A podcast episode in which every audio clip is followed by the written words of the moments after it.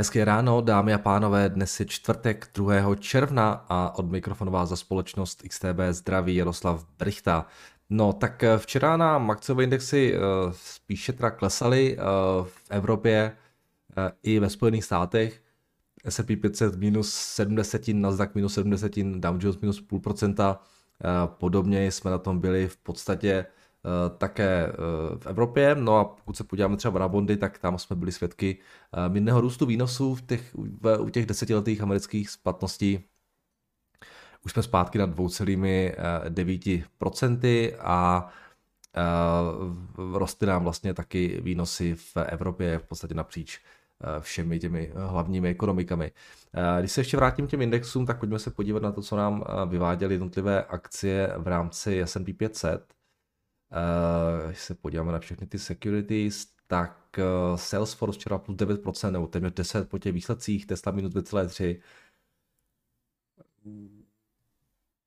Amazon 3%, Meta Platforms minus 2,5% a tak dále a tak dále. Mezi těmi nejvíce růstovými ještě teda Baker Hughes, HP tam bylo, ConocoPhillips, mezi nejvíce ztrátovými včera Moody's minus 6%, Paramount minus 5,7%, Delta a tak dále a tak dále. Když tady vidím tu Deltu, eh, včera byla docela zajímavá situace na aerolinkách. Eh, ty nám otevřeli eh, docela pěkně, když se s vámi podíváme na tu Deltu, dejme tam třeba, dejme tam poslední dva dny, tak uh, nám otevřeli aerolinky docela pěkně v plusu, ale potom už následoval docela solidní sešup, v podstatě na všech. Uh, v plusu otevřeli v reakci na report, podle kterého vlastně pokračuje to zotavování celého sektoru, kvůli tomu, že lidé začínají ve velkém znovu cestovat, což by samozřejmě mohlo aerolinky, a už se o tom spekuluje už nějakou dobu, konečně vrátit do zisku. Každopádně problém byl v tom, že stejný report ale uh, uh, taky se zabýval riziky, kterými jsou pro, pro aerolinky stále nedostatečné kapacity. Málo pilotů, málo personálu a tak dále. Plus samozřejmě vysoké ceny ropy, uh, proti kterým se uh, třeba právě americké aerolinky nezase až tak moc hedžují. Takže nakonec jejich, nakonec jejich akcie stejně vyklesaly a, a patřili mezi ty nejvíce ztrátové. Jenom tak jako pro zajímavost, pojďme se schválně podívat na to, co čeká vlastně trh třeba od té delty do těch následujících čtvrtletí. Víte, že v tom roce 2000, teda v tom, v tom druhém čtvrtletí 22, eh, tak už se čeká, že by měl udělat skoro miliardu eh, net income. A příští kvartál potom už nějaký, eh, no už, už přes miliardu a schválně, pokud jde o ten rok 2022, tak 1,8 a příští rok nějaký 3,8, takže vypadá to, že, že tady už by se mělo všechno vracet někam do normálu, kolik dělali před covidem. Před covidem dělali nějaký 4,7, no, takže takže aerolinky, přesto prostě už nám skončil covid a tak dále, ale stále nebyli schopni se nějak úplně, dá se naplno zotavit, samozřejmě nabrali na sebe docela dost dluhu, takže taky úplně nepomáhá, no. tak uh, uvidíme, jaký bude ten další vývoj v tomto segmentu. Jinak eh, k tomu včerejšku, eh, včera byla eh, zveřejněna béžová vlastně kniha Americké centrální banky, to tady někde kniha Americké centrální banky v těch večerních hodinách. Mám teď pár vypisků z ní jenom většina regionálních poboček Fedu indikuje pokračující ekonomický růst, který ale spíše zvolňoval začínají být cítit eh, dopady eh, vyšších sazeb a inflace, jde to vidět hlavně teda eh, podle nich na nemovitostním trhu a v malou obchodě, což není asi žádné překvapku, jsme tady nějakou dobu zpátky řešili. Podle několika poboček prý mezi podniky prostě vymizelo očekávání dalšího růstu a zaznívají obavy z recese. Jinak trh práce je stále robustní a trpí nedostatkem pracovní síly a uh, co bylo zajímavé, tak podle té bežové knihy si firmy stále udržují pricing power a jsou schopny vyšší náklady přinášet na zákazníky. Takže takový jako mix bag, trošku bych řekl, uh, co, se toho, co se té bežové knihy týče. Uh, jsme v určité fázi, kdy se ta ekonomika zdá se začíná trošku jako měnit, měnit k horšímu, a, a, ale zatím to není úplně nic hrozného, bych to, bych to nazval asi. Uh, jinak, co tam máme dál? Dnes ráno uh, nám docela klesá ropa z nějakých 115 na už pod 113, byli jsme dokonce po 112 možná byli. Um, ten pokles přichází na těchto zprávách. Údajně, že se Saudové chystají eh, navýšit eh, produkci ropy. Eh, to by prý mohlo být oznámeno už v těch následujících dnech a co je taky zajímavé, tady jsem někde viděl tady tohle, že Joe Biden pravděpodobně navštíví Saudskou Arábii už koncem tohoto měsíce a asi se i potká uh, s korunním princem Mohamedem bin Salmanem, uh, což by byla docela změna v té jeho politice, protože Biden uh, se Salmanem nejsou asi úplně velcí kámoši, jelikož Biden ho nazval, nebo v podstatě ho no, sám nazval zodpovědného za vraždu novináře Jamala Kaš, Khashoggiho, to bylo tuším v tom roce 2018, ano, a v podstatě se s ním nechtěl moc setkat, eh, víceméně jediný, s kým se byl ochotný setkat, byl pouze jeho otec, eh, tak uvidíme, jestli se s ním setká, samozřejmě to by byl určitý vstřícný krok vůči eh, saudsko-arabskému koronnímu princi a možná nějaký signál změny těch vztahů, uvidíme, ehm, ale to, že teď Saudové v podstatě chtějí Eh, navyšovat tu produkci a, spekuluje, se o tom, spekuluje se o tom, tak taky něco jako signalizuje, takže možná tam došlo k nějakému eh, posunu v rámci těch, v rámci těch společných vztahů mezi USA a, a Saudskou Arábií. Takže ropa nám vyklesala, no potom co tam máme dál. Eh, včera se hodně řešil, chtěl jsem říct Facebook, ale, ale Meta, která teda taky docela klesla, pak se teda trošku zotavila, ale Mám pocit, že v jednu chvíli klesala více než 4%. Uh, jo, tady, tady to máme. A, a to na zprávách o tom, že CEO uh, Mety, Sheryl Sarbergová, uh, společnost po 14 letech opouští. Uh, docela náhle, něco takového nebylo dřív signalizováno. Každopádně ty důvody jsou docela vágní, prý chce se soustředit na filantropii a bude se dávat a, a vlastně uh, jo, tak dále. Takže opravdu jako nikdo samozřejmě ty, ty důvody neví, jestli to je pravda, nebo prostě jsou tam nějaké jiné, ale akci na to reagovali pádem o 4% a pak se teda vrátili zpátky, takže nakonec meta nějaké minus 3% nebo něco takového. Um, těžko to jakkoliv hodnotit. No. Já si říkám, že by bylo, možná to nějak souvisí s tím, s změnou, kterou si momentálně meta prochází, přece jenom je tam docela pravděpodobně útom, útom v reklamě, do toho ty updaty od uh, v Apple, Google, jo, velké změny, takže možná v tohle může být nějakým způsobem nějaký push prostě dá tam někoho jiného, kdo, kdo se to, do, no, těžko říct, no, tam spekuluju. Každopádně si říkám, uh, co by se stalo, kdyby třeba odešel Zuckerberg. Jo. Přiznám se, že si úplně nejsem moc jistý, co by akce dělali. Jo. Na jednu stranu zakladatel Mety samozřejmě, uh, který si z ní udělal to, co je teď. Na druhou stranu by se možná Meta vykašlal na ty, na ty metaverzi a, a to by byl teoreticky strašný boost pro už tak vysoké free cash flow. Takže upřímně fakt nevím, co kdyby třeba zítra, to by se stalo, kdyby třeba zítra Zuckerberg oznámil, že končí. Jo. A vůbec bych si nedokázal typnout, co by ta akce dělala. Ale na Sambergovou teda reagovala negativně. No, takže to je taková, taková poznámka a ještě k tomuhle. A co tam máme dál? Dál tam máme ten tweet. To bylo, to bylo včera Petr Hráček zveřejnil docela zajímavý uh, tweet, uh, který vlastně uh, uh, pozorňuje na, na um, na, na, na report Goldman Sachs. Zdá se, že uh, totiž uh, Goldmani jako spočítali, uh, že vlastně všechny ty pozice, které naakumulovali v minulosti retailoví obchodníci, tak už vlastně poprodávali což je, což je docela, docela zajímavé. Samozřejmě asi už jsme to tak nějak jako všichni čekali, kdy, kdy po té, co se ty velmi oblíbené uh, růstovky a tak dále propadly o 70-80%, uh, po té, co se ARK propadl jako nějaký 70-80%. Ale tady to máme graficky. Um, zdá se, že oni u těch Goldmanů vycházeli z celkového inflow outflow uh, do ETF a podílových fondů, které jsou preferovány právě retailovými investory. Uh, jenom za posledních sedm týdnů by mělo z těchto fondů odtéct nějakých 26 miliard dolarů. Jo. Přičemž ten kumulativní nárůst těch pozic byl nějakých, já jen třeba 50 miliard. Jo, takže v podstatě polovina za, za jakých sedm týdnů je pryč. Uh, potom ještě jsem našel k tomu, jako, ne úplně k tomu, ale ještě nezávisle na tom jsem četl na Wall Street Journal jeden zajímavý článek. A jsem si ho tady taky někde uložil. Uh, to je tady tenhle.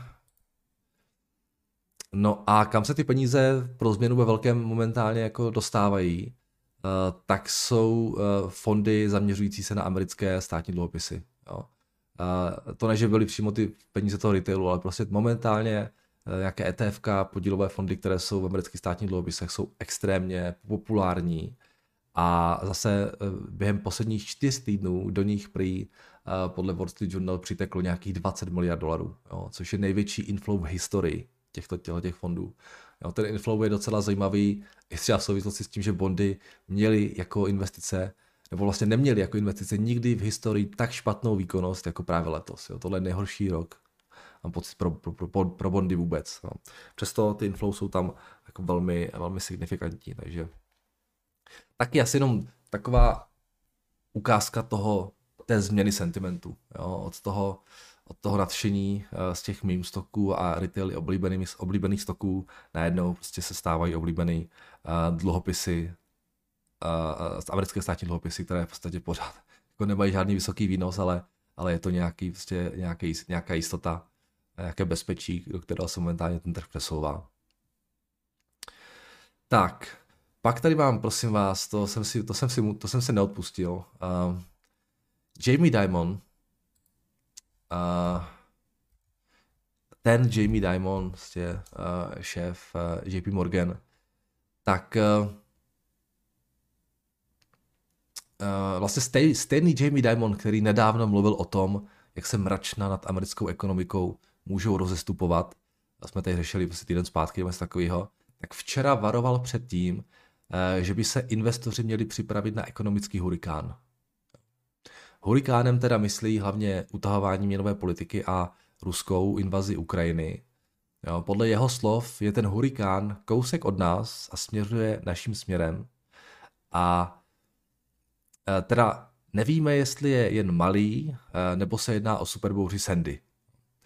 No já nevím, co si o tom docela mám myslet, protože uh, uh, já jsem si doslova našel ten jeho citát z 24. dubna, který jsme tady řešili. A tehdy říkal, cituji, nazýváme je bouřkovými mraky, protože jsou to bouřkové mraky, můžou se rozestoupit, nevypadají ale tak, že by měli způsobit hurikán nebo tsunami. takže, takže před týdnem se mraky rozestupovaly a neměly být hurikán a teď zase bude hurikán. Jo. A možná i hurikán Sandy. Já teda musím říct, že, že Diamond má rozhodně slabost pro předpověď počasí.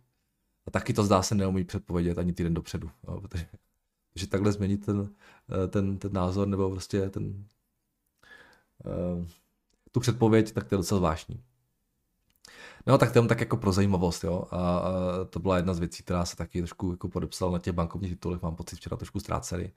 Uh, takže ten, ten týden na něco zpátky byl Diamond těmi svými slovy jako výrazně pomohl těm bankovním titulům, teď zase jako varuje před hurikánem, takže uh, zajímavý, no. Um, jinak uh, tak dívám, že toho asi uh, už mnohem víc nemám. Takže uh, za mě je to k tomu včerejšku asi všechno. Když se vrtíme ještě na ten makrokalendář, uh, tak včera tam byly nějaká čísla, byla tam nějaká čísla ještě z Evropy, ze Spojených států, ten ISM pro výrobní se to dopadlo docela dobře.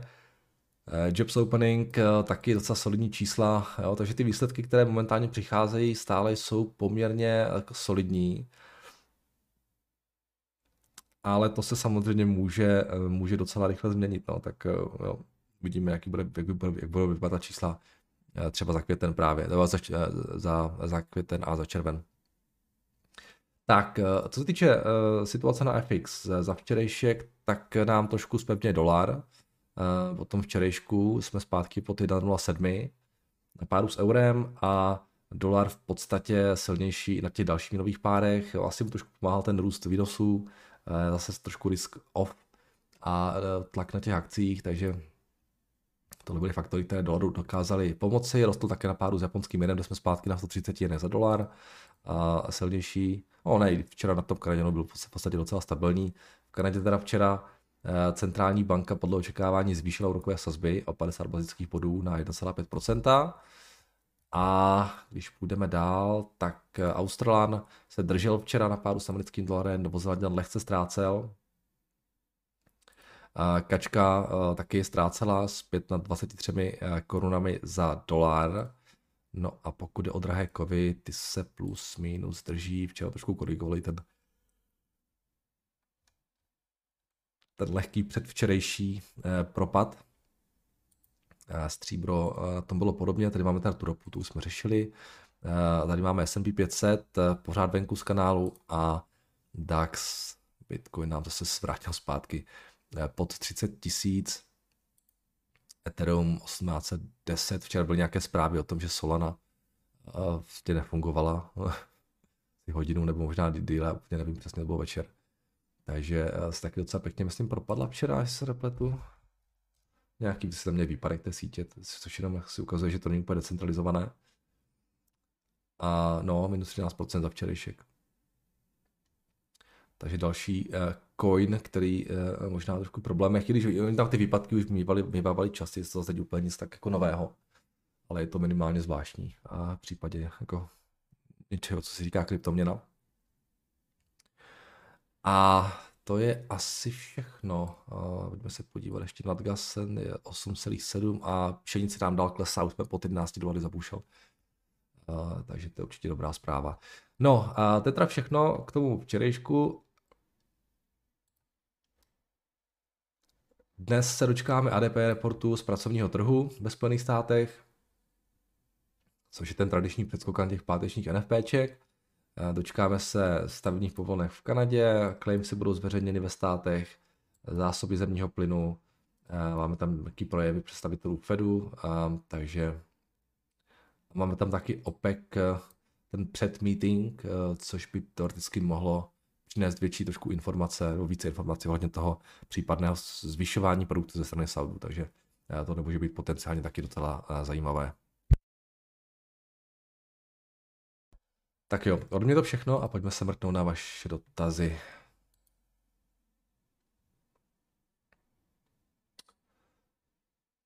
Tak, dotaz na to, jak je to... Tak, to jsem nechtěl.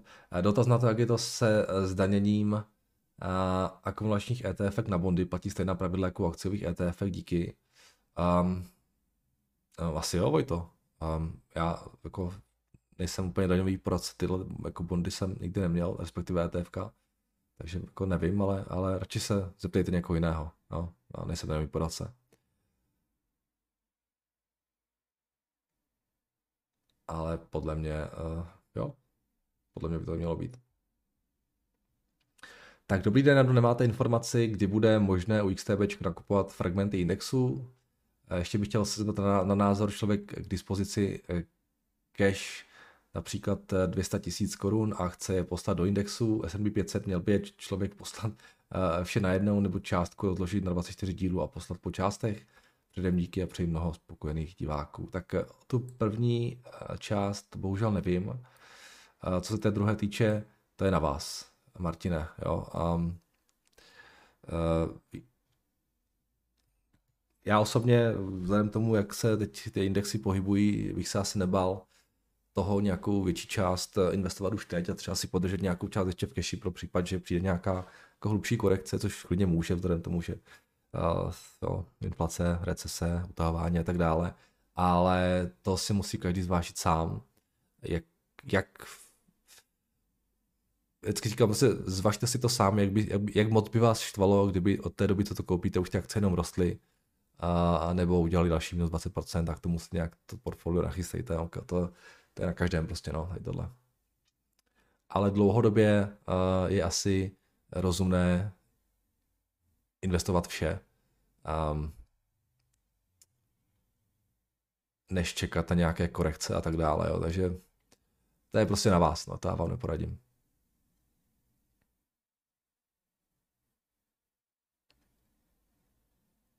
Tak, dobré ráno, do Předně děkuji za vaši práci. Rád bych se zeptal na váš názor na společnost Swatch Group. Jedná se o největšího výrobce hodinek na světě. Eh, patří do ní velké množství výrobců hodinek, jako je Tissot, eh, Mido, Hamilton, Omega a další.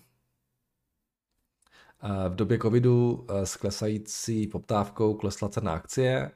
V současnosti opětovně roste poptávka, což by mohlo evokovat opětovný růst cen akcí. Mezi konkurenční výhodu vidím širokou nabídku a od low cost modelů až po luxusní modely a sdílení komponent mezi jednotlivými značkami, což snižuje náklady. Nevýhodou může být v budoucnu ochlazení zájmu o klasické švýcarské hodinky na úkor chytrých hodinek. Děkuji za váš názor, Luboš. Super, Luboši. Díky zase za to, že jste napsal, že je podle vás konkurenční výhoda. Asi se dá souhlasit s tímhle. To sdílení komponenty je docela zajímavé. To jsem netušil. Tak se pojďme podívat, co si Watch říkáte. Nevím, jak moc jsou hodinky na ústupu. přece jen je to trošku modní doplněk, taková jako stat, statusová věc, a, takže tam jako by to asi nemuselo být tak strašné tou náhradou od, od, od těch, těch chytrých hodinek. Je otázka, kolik lidí, kteří nosili hodinky klasické, přešlo třeba na ty chytré a naopak třeba kolik lidí, kteří vůbec nenosili hodinky, tak prostě rovnou svičili na ty, na ty chytré. Myslím si, že tam se to úplně nemusí nutně překrývat, ale nevím, to by bylo co zajímavé, jak jako Jaké čísla vidět třeba.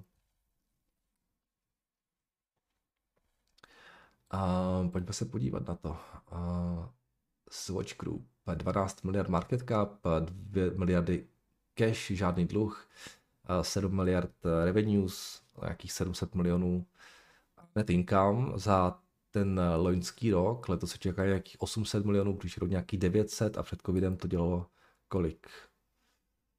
nějakých 700, 800, v podstatě že se čekají trošku lepší, lepší čísla, než co bylo obvyklé, ale ne zase jako o tolik lepší čísla.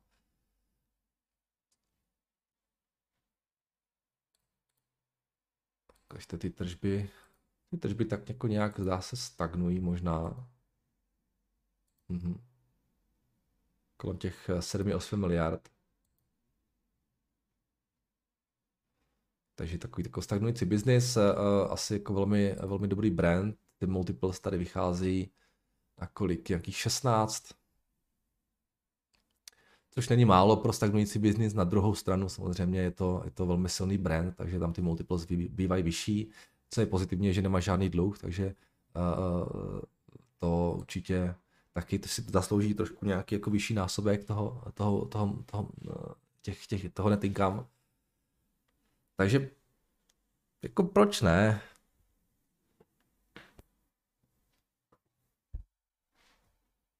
Myslím si, že ta cena je, může být něco, co můžeme považovat, jo, vzhledem té značce a tak dále, tomu, tomu nulovému dluhu, za něco, co by mohlo být relativně fair a pokud máte názor, že, že ten biznis nikam neodchází, jakože asi ne, um, a že nebude nějak výrazně klesat, což si asi taky myslím, že snad jako úplně by nemusel, um, tak pro mě to úplně není, a vzhledem té ceně, ale, ale ta cena mi nepřijde nějak jako přestřelaná.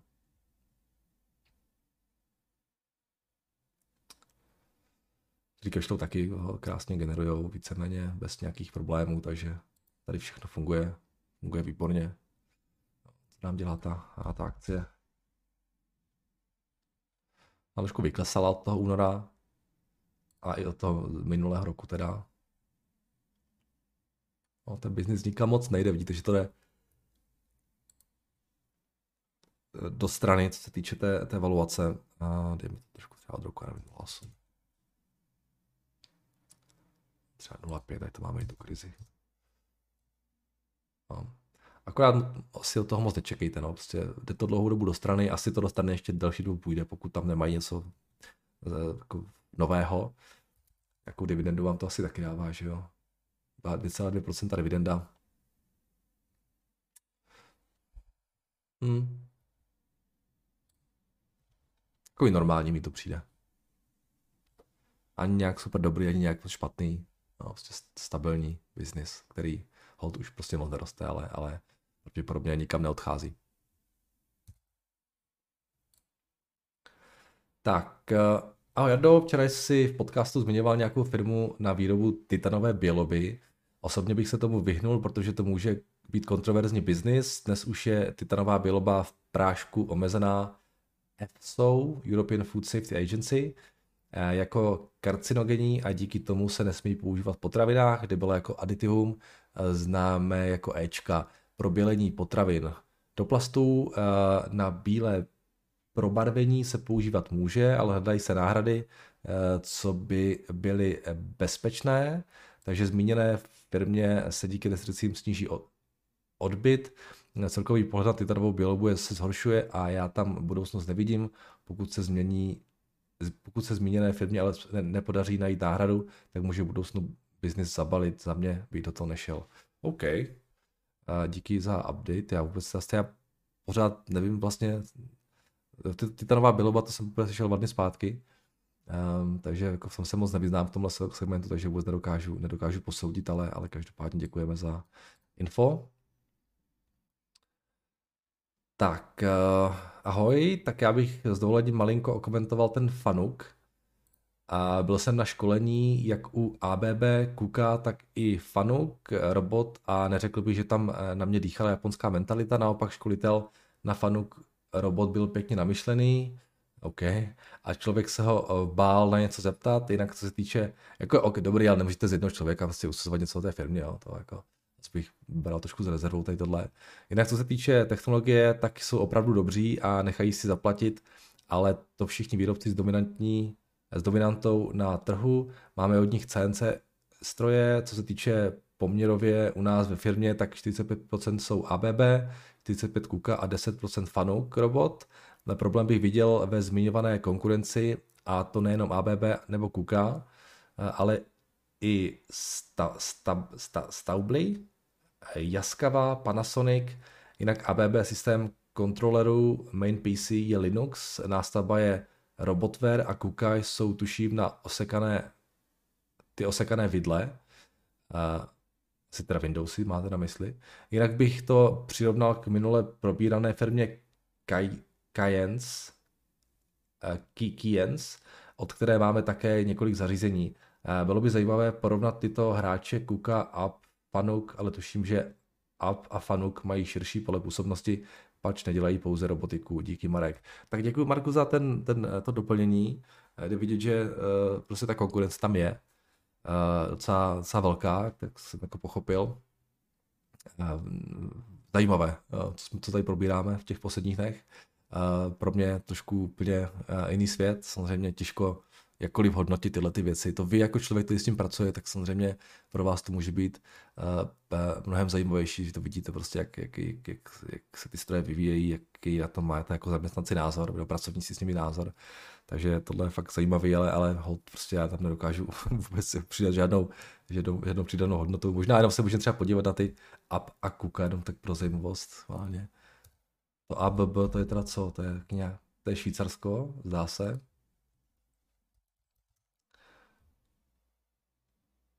Jo, to vypadá, že ono.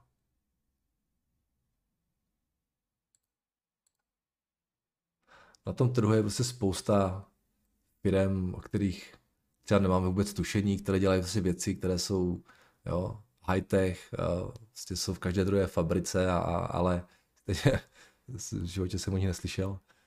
A můžou být úplně, úplně v pohodě skvěle si řízené firmy, ale, ale těžko to nějak prostě posuzovat, no. Pro mě jako, jako plného lajka v tomhle tom. Z těch čísel, to prostě nevyčtete, jak z těch čísel ta firma dobrá, jo tom ten, třeba ten management není tak veřejně, není tak vidět, jo, těžko si o nich cokoliv zjistit, tak vám vlastně zbývá jenom ty, ty, ty annual reporty nebo nějaké ty výkazy, jo, si se můžete něco zvědět, ale to je pořád jako, nej, nej, to je pořád docela málo prostě pro to, abych si udělal nějaký jako, jako nějaký, jako, abych dostal nějaký ten feeling z té firmy prostě, jo, který často dostáváte třeba od těch manažerů a tak dále, jo, takže je těžký tohle, to nějak jako do toho nějak jako hlubě proniknout, no obzvlášť, když potom třeba vůbec se v těch firmách nebo v těch strojích ne, nevyznáte, jo, takže, takže pro mě tohle v podstatě um, je těžko investovatelná věc. A každopádně tady 63 miliard market cap, nějaký dluh tam je, ale nic strašného mají 10 miliard letos vydělali, ale to bude nějaký asi jednorázový, nějaká jednorázová záležitost, jinak tady se očekává nějaký 29 miliardy, pak 3 miliardy, v podstatě nějaký 20 násobek, ten multiple. Za, ten, za ten, to, co se očekává během toho letoška. Um, jo, taky nic levného prostě, jo. Firma vypadá úplně v pohodě, roste nějaký mid single digit, ale prodává se za 20 násobek earnings, no, tak já nevím, to je všechno úplně jako super levný, ale um, zjevně ten biznis prostě tam jako asi takhle se na to dívám, tak žádný problém tam, tam asi není. No. no, tohle je pro mě už trošku jiný svět. Tak, uh... Dobrý den, znova velké díky za komentáře. Větě se prosím pozrieť na akci Vertivu. Dostal jsem insight tip a, nech, a nechcel by som na ně a chcel by som vědět, či to aj stojí za nějaký reálný číslách. Tak když tak nám něco napište, Eduarde. Dejte nám nějaký taky insight tip a podíváme se na ně. Trošku nám popiš, popište, jako mají konkurenční výhodu, proč jsou zajímavé a tak dále. Podíváme se na ně. Tak. Uh... Jak vlastně funguje kvantitativní uvolňování, jak na to mohou reagovat trhy, google jsem, ale jsem z toho, nejsem z toho moudrý. Zkuste se podívat na té Pepové tabulky trošku zpátky, eh, v těch komentářích jsme to probírali. Je to v podstatě kombinace, řekněme, zvyšování sazeb a snižování té bilance eh, americké centrální banky.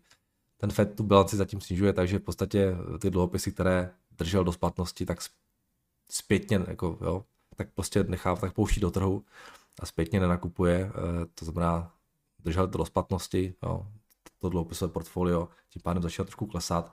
V podstatě to vytváří tlak na to, aby rostly úrokové sazby a vyšší sazby a samozřejmě může být problém pro ekonomiku takže a pro finanční trhy, protože se třeba zdražuje páka jo, a tyhle ty věci, takže, takže obecně prostě uh, jo, kdyby teď nějak výrazně vzrostly úrokové sazby, tak to asi není něco, co by ekonomice a těm finančním trhům úplně, úplně chutnalo a a ten trh se s tím bude muset nějak prostě vypořádat. Tak, eh, ahoj Jardo, díky moc za komentáře. Zajímalo mě, eh, zda u ETF probíhá po čase split, eh, tak jako u akcí. Některá ETF kopírují S&P 500, jsou na trhu už 10 let a mají cenu kolem 400 euro.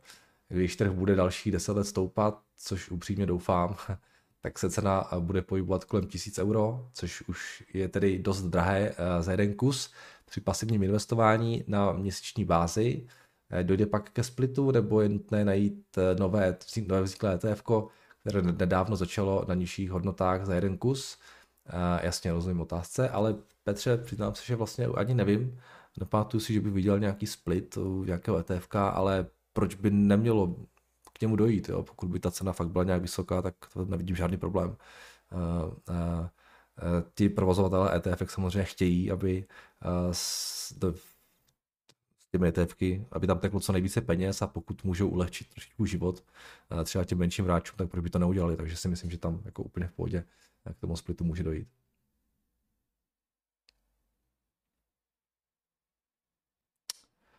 A zase jo, ahoj, jednou mohl bych se podívat do Bloombergu na plastik Omnium, ticker nejspíš POM.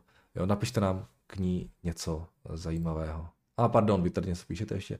U této firmy bude probíhat akvizice, kdy Plastik Omnium kupuje firmu, kde zrovna pracuji, konkrétně Verok Lighting Systems. Firmu má firmu na výrobu světel a automotiv. Vím, že je to speciální požadavek, ale jakožto jejich budoucí zaměstnanec chci vědět, do čeho cirka jdu. Samozřejmě si udělám vlastní research, ale zajímá mě tvůj názor. OK, Lukáši, takže jste to vy, ale taky jste nám o ní moc jako nenapsal, jo. A Plastic Omnium. Takže nějaký subdodavatel pro automotive segment, rozumím tomu správně?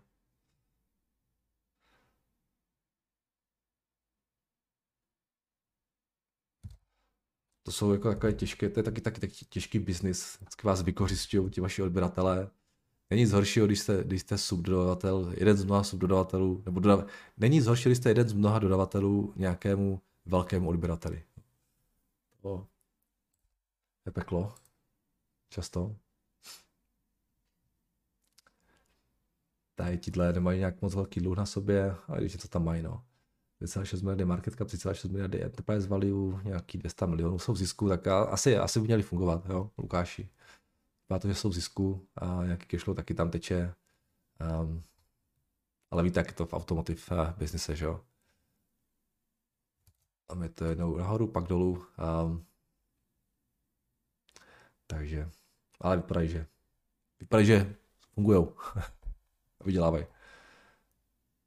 Tak já se moc omlouvám, že eh, to, to zase uvádím, ale mě ty videa prostě nic nedávají. Každý 10 sekund zazní nějaký specifický brokerský termín, jehož význam buď neznám vůbec, nebo znám pouze z části.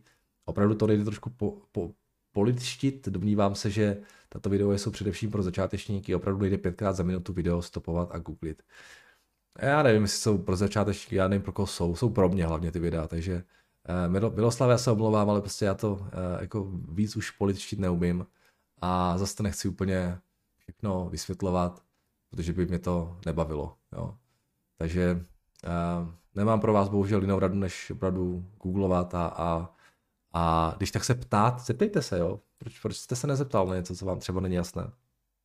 A ono si to sedne. Jo. Já když jsem začínal, tak jsem taky nic nevěděl a byl jsem, když jsem četl nějaký články, tak jsem o polovině věcí, co tam psali, se nerozuměl, ale to si sedne. Jo. Jenom to chce prostě čas. Čas a nějakou vaši aktivitu. Tak, tohle jsou teda, tohle jsou teda uh, dotazy z, z YouTube a co se týče mailu, tam tak něco máme. Dobrý den, prosím, podívejte se na japonskou společnost Inabata. Říkal jste, že japonské společnosti považujete za předražené, podle mého názoru je velmi mnoho podhodnocených. Vys, Itochu a Buffett a další, a, ale nemůžete jít do těch nejzajímavějších, ne, ale nemůžete jít do, eh, po těch nejznámějších, Fanuk, Nintendo, Sony. Jo, jasně, já nepochybuji o tom, že tam jsou nějaké eh, levné, jo. Já právě vždycky ty, které mi někdo, který mi někdo jako něco říkal a které vypadaly fakt zajímavě, tak se mi vzdály ne ani tak jako předražené, jo, ale prostě, že nebyly nějak jako super levné, takže, takže určitě tam jsou levné. Uh, Inabata je korporace, která sídlí v Osace, je především výrobní a obchodní korporací částečně vlastněnou společností Sumoto Chemical, má několik velkých divizí, a to elektroniku, chemii, plasty. Jejich výrobky se používají téměř všude od automobilového průmyslu, elektroniky až po zemědělství. Společnost působí eh, globálně téměř na všech regionech. Eh, společnost existuje více než 100 eh, let. Líbí se mi plán managementu s každoročně rostoucí dividendou a buybacky. Od roku 2010 cena pěkně roste, pro společnost jsou stále PE společnosti jsou stále na velmi pěkné úrovni. Velmi podobnou společností je Nagase. Můžete si je vyhledat v Bloombergu, jaké jsou prognózy na další roky. Díky Michal. OK, Michale, ale zase jo, moc jsme se nedozvěděli vlastně o tom, v čem je ta společnost zajímavá. Jo? To, že někdo, to, že má devize, elektroniku, chemie, plasty, OK, ale, ale jako, jo, jaká je tam ta konkurenční výhoda, proč zrovna oni, jo. jo spousta firm dělá elektroniku, chemii a plasty, jo, takže takže pokud je tam nějaký velký konkurenční tlak, eh, tak hold prostě samozřejmě ty firmy si nezaslouží nějaký jako super vysoký multiple, jo. Ale tak můžeme se podívat teda. A, a to, že je levná, to prostě není dostatečný argument k koupi, jo, nikdy. Jo. Musí být vždycky, musí tam být nějaký, nějaký zajímavý důvod, uh, proč by, proč ten trh se plete, jo. S tou, s tou valuací třeba, nebo proč je tam nějaký potenciál třeba dalšího růstu a tak dále. Ale pojďme se na ně podívat, teda i na bata říkáte.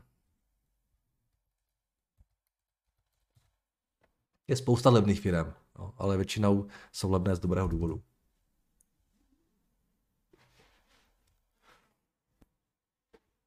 Tak, jdeme tam teda eh, dolary. A jdeme to ročně. Tyhle mají market cap nějakou miliardu. Uh, Enterprise Value dokonce má nějaký dluh na sobě. Enterprise value nějakých 1,2 miliardy, 6 miliard revenues, velmi, velmi, malý, hrubé, velmi, velmi malé hrubé marže, což je uh, docela zajímavý. Pod, hrubé marže pod 10%, ale profit marže jsou, jsou jak, jo, ty mají docela tenké taky, 2% zhruba. Um, takže tohle není úplně takový, jako tohle je asi těžký biznis, bych řekl. Um, jaký cashflow tam mají?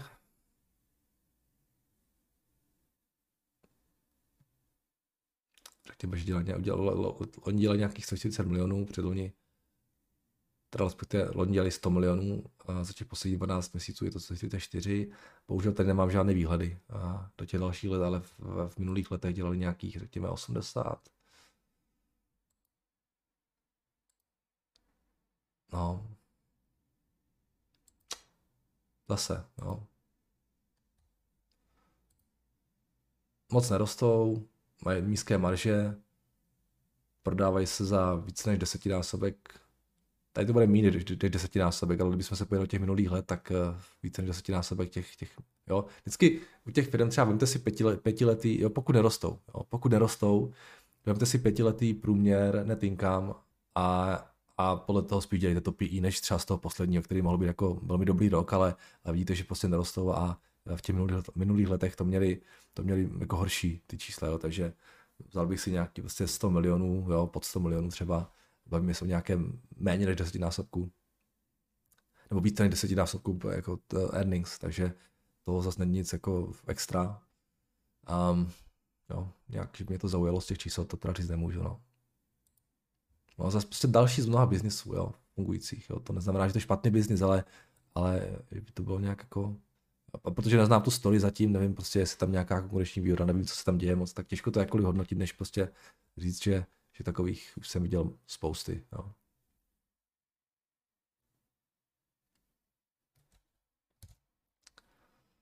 Tak jdeme dál. Uh, Constellation, Constellation Software. Včera jste retweetoval příspěvek Petra Horáčka, který představoval firmu Constellation Software. Popisovat tady nebudu, když tak se ostatní podívejte na Petrovo vlákno na Twitteru, co na tuto firmu říkáte, jak se vám zdá valuačně, neuvažujete o pozici, díky. Uh, tak my jsme tady měli už nějakou dobu zpátky. Uh, no, firma je to strašně zajímavá samozřejmě. Uh, je strašně zajímavá a ten business model je v podstatě jako geniální. A, a hlavně vlastně track record je naprosto jako mluví za vše. Jo. A když se podíváte na tu akci, tak jako co, co víc chcete. Jo. A oni, ví, oni vědí, co dělají. Jo. A teď to teda trošku vyklesalo, uh, což je docela fajn. Um, já v tam pozice nemám, úplně oni neuvažuju, protože oni nikdy nejsou nějak úplně jako levní, jo, ale Petr to tam popisoval docela dobře, jo, ta vyšší valuace asi dává smysl vzhledem tomu, že prostě jsou strašně způsobem diverzifikovaní a mají prostě jako vynikající track record. Um, takže jako proč ne? A co mi možná trošku vadí, je, že už vlastně nejsou tak, že už jsou docela velcí, jo, samozřejmě, vlastně už jste takhle velcí, tak ty akvizice uh, už se nehledají tak snadno, aby měli nějaký jako signifikantnější dopad na, na, ten, na tu vaši bottom line. Ale jako jinak za mě, já nemůžu říct absolutně půl slova uh, proti té firmě. Myslím si, že to dělají skvěle, uh, vědí, co dělají. Jo, ten business model, prostě hledat, hledat firmy, které mají nějaký software, prostě, který jako není moc nákladný a který je velmi důležitý pro nějaký odvětví, tak uh, to mi naprosto dává smysl samozřejmě. Um, jenom ta cena, no. Ale jinak je tohle strašně zajímavý biznis, no. No, tam prostě. Kdyby byl na trhu nějaký panic selling všeho, a jak výrazně se propadly tady tíhle, tak eh, bych o tom asi uvažoval. Ale vzhledem tomu, um, že ten panic selling je momentálně pouze na těch třeba růstovkách, tak já se spíš teď jako soustředím na ty růstovky, než, než na cokoliv jiného, takže o tom momentálně moc neuvažuji. A tohle je super business, tam není moc jako vytknout. Tak jo, eh, to je všechno. Um, takže děkuji za, za dotazy, uh, pište samozřejmě dál a uslyšíme se opět zítra. Mějte se krásně a naslyšenou.